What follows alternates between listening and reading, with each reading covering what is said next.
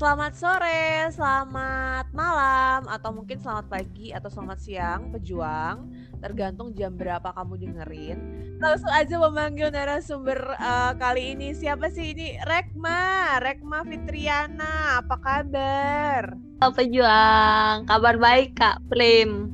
Alhamdulillah. Nah inilah namanya kadang-kadang uh, the power of kepepet pejuang. Jadi kan uh, sudut pandang pejuang ini memang harus selalu ada setiap minggu ya untuk melayani pejuang mendapatkan inspirasi uh, dari bentuk podcast. Seperti episode yang minggu lalu, pejuang uh, Hari Pahlawan uh, atau bulan November ini dirayakan di sudut pandang pejuang dengan cara mengundang fasilitator. Dan kali ini fasilitator yang menjadi narasumber adalah Rekma. Rekma, boleh dong kasih tahu sebenarnya kamu tuh jadi fasilitator di daerah mana pada tahun berapa? Oke, sebenarnya kalau nyebutnya fasilitator kayak berat banget ya. Jadi uh, ceritanya gini, dulu kan uh, fasilitatornya sampai sekarang sih masih didampingin sama Bang Reza. Jadi beliau itu uh, fasilitator regional Kalimantan gitu. Karena ada beberapa hal yang tidak bisa ditinggalkan. Lalu pada saat itu eh, kondisinya insidental digantikanlah sama aku dari awal tahun 2020 jadi digantikan sama aku. Uh, per, proses pergantiannya juga insidental karena nggak boleh ada kosong gitu. Kasihan anak-anak misalkan pada nanya kayak gitu-gitu ya udah oh iya boleh kata aku. Gitu jadi awal 2020 hmm, oke. Okay. nah tapi sejak kapan sih kamu jadi relawan turun tangan? Pasti lebih lama lagi dong. Iya lebih lama lagi tapi eh, nggak lama-lama banget.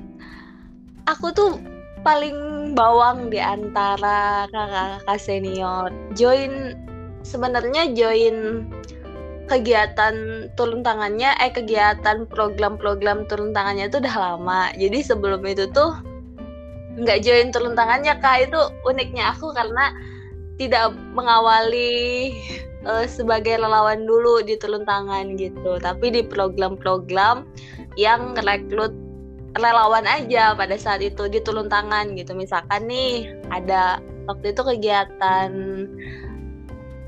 aku ikut ngajarnya nggak ikut relawan turun tangannya gitu. Baru join turun tangannya awal tahun 2019. Oke, jadi kamu semacam relawan freelance ya atau tim hore gitu kali ya? Di program turun tangan, misalkan nih turun tangan Banjarmasin dia ada program uh, ngajar ke pelosok. Nah, aku ngajarnya di situ. Iya, freelance sih bisa disebut freelance. relawan gitu. Iya. Nah, dari 2019 uh, eh, akhirnya jadi relawan turun tangan. Nah, apa sih yang meras yang membuat kamu oke okay, kalau gitu aku siap nih jadi relawan turun tangan udah bukan lagi freelance tapi aku bisa jadi relawan tetap dalam dunia kutip gitu. Waktu itu waktu awal ya uh, itu dipaksa sih sama salah seorang teman aku. Jadi aku nggak terlalu interest ya waktu itu karena aku mikirnya ih bakal ngasih waktu atau spend waktu banyak nih di organisasi ini enggak ah kataku gitu. Taunya dipaksa kan sama teman aku. Jadi awalnya memang dipaksa dulu baru ikhlas. Setelah itu jalan beberapa bulan gitu ya kak. Hmm, nemu nih kliknya di turun tangan gitu. Oh ternyata orientasi yang dijalankan di turun tangan itu tuh sama sama tujuan aku. Ya udah uh, akhirnya berlanjut sampai sekarang. Uh, iya deh, itu uh, rasa penasaran aku. Kalau menurut Rekma, apa sih yang ngebedain turun tangan dengan gerakan sosial lainnya? Mungkin di sini bisa diceritakan sedikit kalau di Banjarmasin atau di Kalimantan, uh, khususnya gerakan sosial tuh seperti apa sih biasanya? Terus? Iya, jadi di kota Banjarmasin itu tuh ada beberapa sosial gitu. Nah, cuma pada saat itu turun tangan ini yang menawarkan uh, eksperimen yang paling nggak didapat di komunitas lain gitu. Kita ngajarnya ngajar gitu ya ke pelosok. Uh, kegiatannya juga harus iuran. Terus aku mikir ih ngapain ya kita capek-capek gitu pada saat itu? Ternyata pas diikutin ada kepuasan tersendiri ketika ngelihat uh, orang-orang pelosok atau anak-anak di pelosok itu tuh ini senyum gitu terus bahagia mereka ngikutin kegiatan terus dia ngasih kesan dan pesan di akhir. Nah itu yang aku dapet plus impression aku di turun tangan.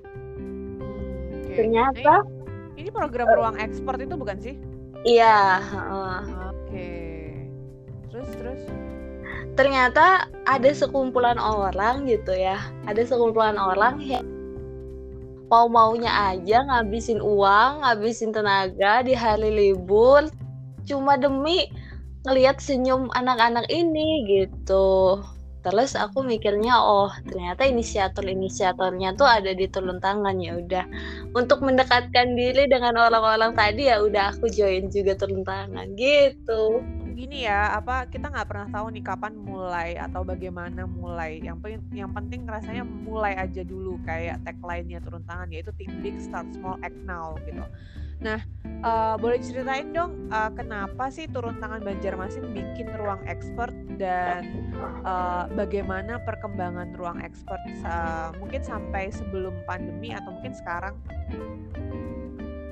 sekarang kita belum jalan kak karena kan kita uh, dia itu tatap muka dan ngumpulin orang banyak sedangkan kan belum bisa nih kabar terakhir sih udah mulai tatap muka tapi kita belum berani juga sih ngumpulin orang banyak nah makanya udah stop di, di itu dulu di batch 3 udah sampai periode yang ketiga udah belum ada kelanjutan lagi gitu. See. Nah, uh, ruang expert ini kan mengajar komputer kan ya? Betul. Nah, tapi uh, sebenarnya boleh dong ditambahkan cerita kayak kenapa sih uh, kalian memutuskan mengajar komputer dan bukan ngajar yang lain? Aja sih sama daerah-daerah lain gitu ya. Kalau ngadain suatu program itu kita harus ada analisis masalah sosialnya dulu nih. Terus kita melihat, menganalisa di sekitar kita permasalahannya apa nih. Waktu itu mereka ya tim inisiator itu oh ternyata kita masih senjang banget nih tentang pengetahuan ilmu pengetahuan dan teknologi di daerah pedalaman gitu bahkan jangan jauh-jauh dibandingin sama di Jawa sama di Banjarmasin aja di daerah pedalaman itu tuh masih jauh gitu loh Banjarmasin kan kotanya nih di daerah pedalaman itu uh, daerah yang sulit akses. Nah itu tuh udah jauh banget dibandingkan Banjarmasin gitu. Terus kita ngelihat permasalahan itu terus tergelak untuk bikin program. Kayak gitu sih. Oke nah uh, kal tapi kalau dari uh, Rekma sendiri secara pribadi uh, kalau misalnya harus bikin program, uh, Rekma akan bikin program tentang apa sih yang memang dibutuhkan oleh masyarakat Banjarmasin? Banyak sih kak sebenarnya, tapi yang paling dibutuhkan itu emang ke ini malah nggak penerima manfaat ya. Aku tuh pengen banget bikin satu wadah gitu ya buat pemuda-pemuda bisa sharing ide-ide terus direalisasikan bareng gitu ya. Itu udah dari tahun kapan kami udah kami dua kali FGD gitu ya ngumpulin semua komunitas untuk meng, uh, satu program kolaborasi. Nah aku tuh kayaknya kolaborasi dengan meng-hire banyak komunitas seru dan tujuannya bakal lebih cepet tercapai gitu kalau aku pengen banget sih itu kak kalau tujuan uh, kalau ditanya program apa yang cocok yang kepikiran dia ngegabungin banyak komunitas di Banjarmasin untuk uh, bikin satu program gitu. Oke, okay. I think I will take notes ya uh, on this. Mudah-mudahan habis ini kita bisa diskusi lebih lanjut tentang gimana uh, turun tangan daerah bisa kolaborasi sama komunitas-komunitas di daerahnya gitu. Yep. Nah, tapi apa sih tantangan dari FGD ini? Kok, kok mungkin dari kamu ngerasa masih ada ganjalan nih kayaknya? Pertama karena kita uh, pandemi ya sekarang. Susah ketemu susah ngumpulin orang. Terus uh, aksesnya juga sebenarnya kalau via zoom atau kayak gitu-gitu via online virtual gitu ya dia secara afeksi tuh nggak nemu gitu. Jadi kalau ketemu langsung tuh kayak diskusinya lebih kena. Nah itu waktu itu kita kendalanya di situ pertama. Terus yang kedua minat minat dan terasa untuk bisa ngejalanin program bareng-bareng tuh kurang gitu. Itu yang susah ditumbuhinnya di pemuda-pemuda. Itu PR PR kami sih PR kita juga buat bisa sama-sama gitu. Nentuin tujuan aja dulu minimal sama-sama. Oh ternyata ada nih satu permasalahan yang harus kita selesaikan bersama.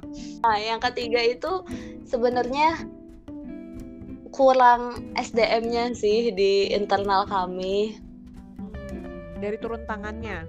Betul. Jadi kalau ngajak ngajak komunitas lain itu kan harus ngeblending kita nih ngeblending nama kita nih turun tangan Banjarmasin nah itu yang kurang. Jadi orang juga kurang berminat kita juga eh, SDM internal kita kurang blending untuk itu gitu.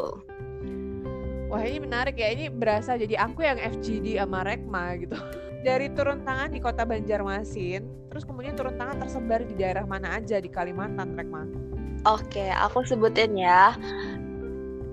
Di kota di Kalimantan Selatan aja itu ada di Banjarmasin, Banjarbaru sama Tanah Laut.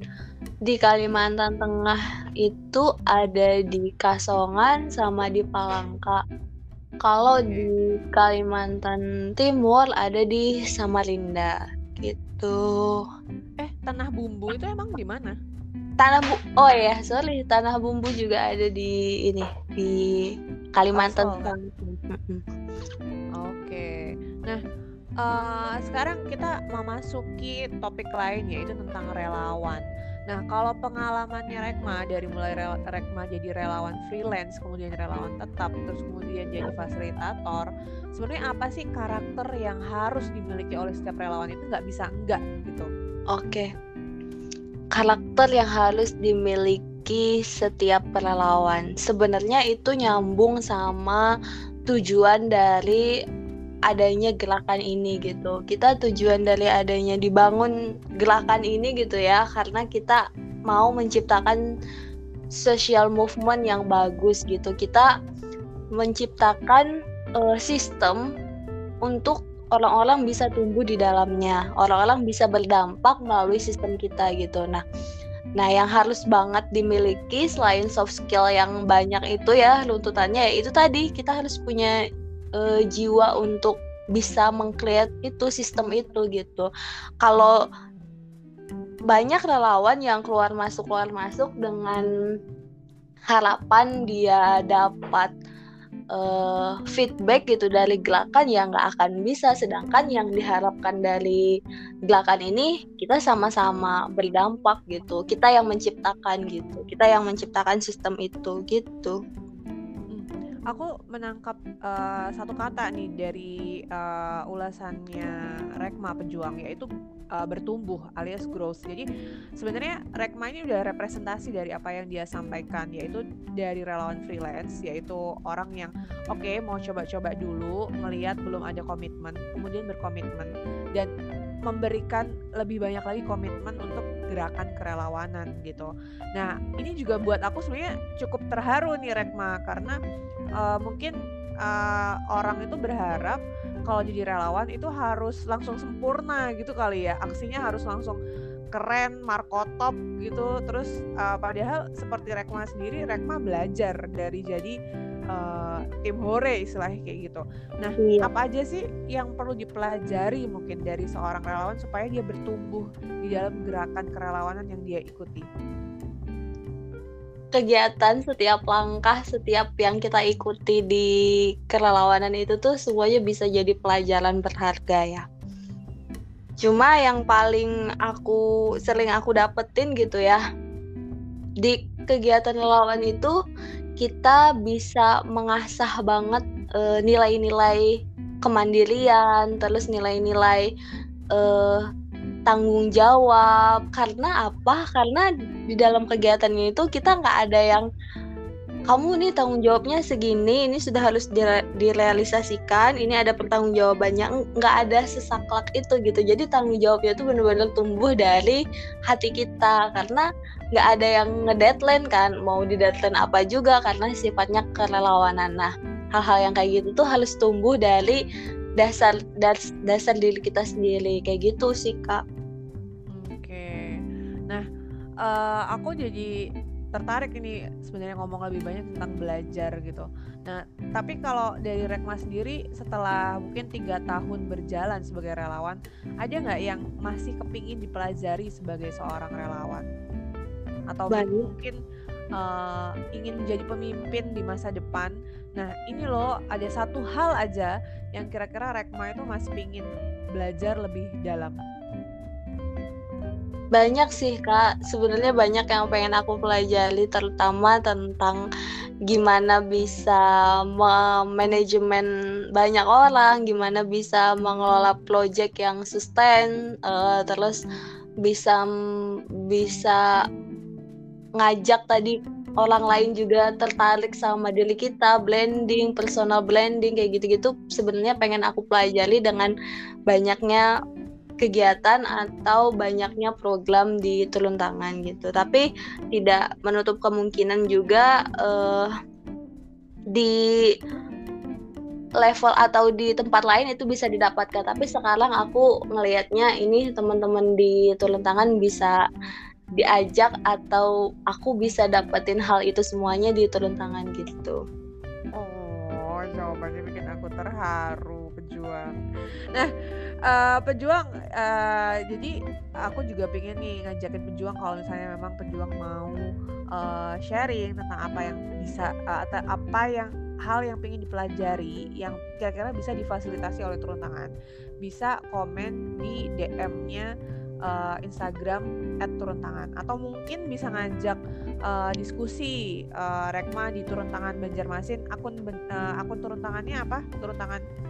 Turun tangan BJM at turun tangan BJM I see tapi belum selesai ini podcastnya karena okay. uh, sesuai dengan tema Hari Pahlawan uh, tem apa uh, topik uh, diskusi berikutnya adalah siapa sih sosok yang kamu sebut pahlawan terbesar di hidup kamu Rekma Oke, pahlawan terbesar ya. Bingung ya. Kalau jawaban klasiknya sih, aku bakal ngejawab pahlawannya adalah guru aku eh orang tua aku, guru aku gitu ya. Itu pahlawan yang berjasa banget di sepanjang perjalanan aku. Tapi kalau lebih luas kita melihatnya atau ini tergantung sudut pandang siapa gitu ya karena sekarang yang ditanya aku berarti sudut pandang aku aku ngelihatnya setiap orang yang aku temui uh, dia adalah pahlawan minimal dia pahlawan bagi dirinya sendiri gitu pahlawan itu tuh bagi aku ya kayak pagi-pagi naik motor terus ngeli ngelihat uh, ibu-ibu lagi apa lagi nyapu jalan gitu ya. Dia udah jadi pahlawan bagi kami-kami pengendara. Terus ada bapak-bapak yang ngangkutin sampah pagi-pagi itu juga udah jadi uh, pahlawan bagi kami-kami yang kerja gak sempet buang sampah atau kayak gimana tapi dia udah ngangkutin ke komplek-komplek. Jadi sebenarnya makna pahlawan itu luas gitu tergantung siapa yang memandang. Dan semua orang aku anggap pahlawan karena dia punya eh, jasa-jasa uh, tersendiri gitu di dalam hidupnya ini kayaknya soalnya Rekma udah tahu nih pertanyaan yang mau aku tanyain ya. Yeah. Karena pertanyaan berikutnya adalah ya itu tadi sebenarnya setiap harinya kita bertemu dengan orang-orang yang pantas menyandang gelar pahlawan siapa aja mereka dan udah dijawab sama Rekma. Jadi ternyata berjuang uh, Rekma punya uh, sudut pandang yang cukup luas untuk mendefinisikan siapa itu pahlawan gitu. Nah, uh, tapi mungkin pernah nggak sih kamu ketemu sama satu orang yang berkesan banget yang kamu ngerasa bahwa oh ini loh salah satu pahlawan dalam hidupku yang kalau nggak ada dia itu mungkin uh, hidupku nggak akan jadi seperti sekarang selain orang tua dan guru ada nggak Rekma? Selain orang tua dan guru, orang yang punya andil gitu dalam hidup aku sampai sekarang ya. Yap. Bentar, aku ingat-ingat dulu. Sebenarnya yang paling berkesan itu sebenarnya guru sih, tapi ini bukan guru secara akademik ya. Jadi beliau uh, boleh di ini ini kayaknya masuk deh pahlawan dalam hidup aku walaupun beliau profesinya guru tapi bukan guru secara akademik aku. Jadi beliau itu salah satu guru juga salah satu teman curhat juga yang uh, mendukung setiap setiap perjalanan aku. Jadi beliau ngarahin ini kayaknya kamu bisa di, di, di level ini gitu. Coba naik lagi sedikit. Nah beliau tuh selalu kayak gitu. Uh, dorongan-dorongan yang seperti itu setelah aku dapat dari beliau jadinya aku bisa bertumbuh dengan baik karena beliau selalu naikin level naikin level naikin level kayak gitu itu bener-bener aku ingat ya ibu itu adalah orang yang sampai sekarang bisa nganterin aku di posisi sekarang gitu oke jadi ya, ini sebenarnya guru dalam tanda kutip ya karena uh, Rekma yang memandang dia atau menganggap dia uh, apa beliau sebagai seorang guru walaupun iya profesinya dia bukan pendidik di sekolah. Iya betul. Wah menarik sekali pejuang. Uh, kalau pejuang mau tahu uh, siapa sosok yang disebut pahlawan terbesar di hidupnya Doni juga harus uh, dengerin episode sebelumnya karena Doni itu juga punya jawaban yang unik. Nah, biar penasaran langsung aja uh, dengerin episode podcast yang sebelumnya gitu dan uh, walaupun nih walaupun pertanyaannya kok sama-sama aja ya di bulan ini tapi ternyata jawabannya itu banyak yang beda gitu dan bagaimana orang memandang relawan bagaimana orang uh, memandang gerakan sosial dan sekarang memandang pahlawan itu ternyata punya definisi yang sangat berkesan di hati masing-masing pejuang. Nah terakhir nih Rekma, kita sudah sampai di penghujung podcast Sudut Pandang Pejuang. Boleh dong kasih pesan buat relawan turun tangan yang mungkin juga cukup, sudah seperti Rekma cukup lama uh, berkecimpung di dunia uh, sosial. Uh, mungkin mereka sedang menghadapi suatu tantangan atau mungkin mereka sedang menghadapi apa. Silakan boleh dikasih pesan-pesan uh, supaya mereka tetap tegar ngasih pesan-pesan kayak gimana ya kata-katanya? Mungkin sharing lebih sharingnya uh, gimana perasaan aku aja sih ya. Maksudnya teman-teman relawan pejuang di seluruh Indonesia di 63 daerah yang ada gitu ya. Teman-teman tuh orang-orang yang terpilih banget untuk bisa bergabung di sini gitu ya. Dari dari miliaran orang yang ada di bumi ini kalian adalah orang-orang yang dipilih untuk bergabung di turun tangan gitu. Nggak tahu jalannya lewat mana bisa lewat program dulu kayak aku atau lewat open recruitment. uh, open recruitment gitu kan. Nggak tahu tapi tiba-tiba kebaca aja ada info uh, open recruitment terus join terus berkegiatan terus berdampak gitu. Itu harus dipercaya bahwa kalian adalah orang-orang yang terpilih untuk bergabung di sini. Dan di sini tadi kita udah bahas tentang bisa banget kita bertumbuh di sini dari dari nol sampai uh, bisa bikin project sampai punya banyak kolaborasi di uh, dengan komunitas yang lain. Walaupun aku sendiri belum menjalaninya tapi aku yakin itu bakal terrealisasi gitu. Jadi nggak apa-apa kita bertumbuh dari kecil sampai jadi tunas sampai berbunga.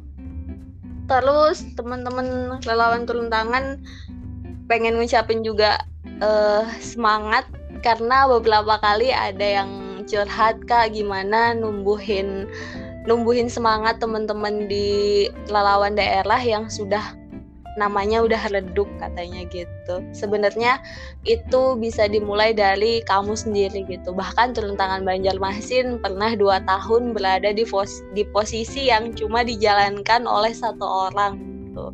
Dua tahun wow. dijalankan sama satu orang, terus ya udah sekarang bertumbuh lagi dengan banyak relawan dan banyak program gitu kak.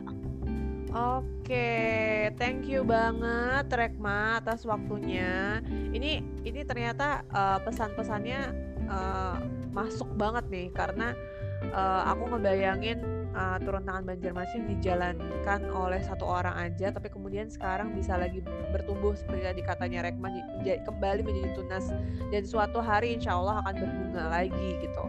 Uh, sekali lagi terima kasih atas waktunya dan pastinya pejuang, pejuang juga bisa menghubungi uh, turun tangan di Instagram @turuntangan kalau pejuang pengen uh, ada topik tertentu buat dibahas di uh, sudut pandang pejuang episode-episode berikutnya. Tapi di bulan November ini seperti tadi aku bilang uh, masih akan ada dua orang fasilitator yang menjadi narasumber. Jadi stay tune, pastikan kamu dengerin episode uh, episode berikutnya dan kalau perlu follow di uh, Spotify atau di Anchor dan juga di Instagramnya @turuntangan plus Instagram uh, turun tangan Banjarmasin boleh diulang Rekma turun tangan BJM at turun tangan BJM Oke, okay, thank you banget Rekma dan terima kasih buat pejuang. Uh, thank you, salam. Salam sukses, salam semangat, tetap jaga prokes dan sampai jumpa. Wassalamualaikum warahmatullahi wabarakatuh.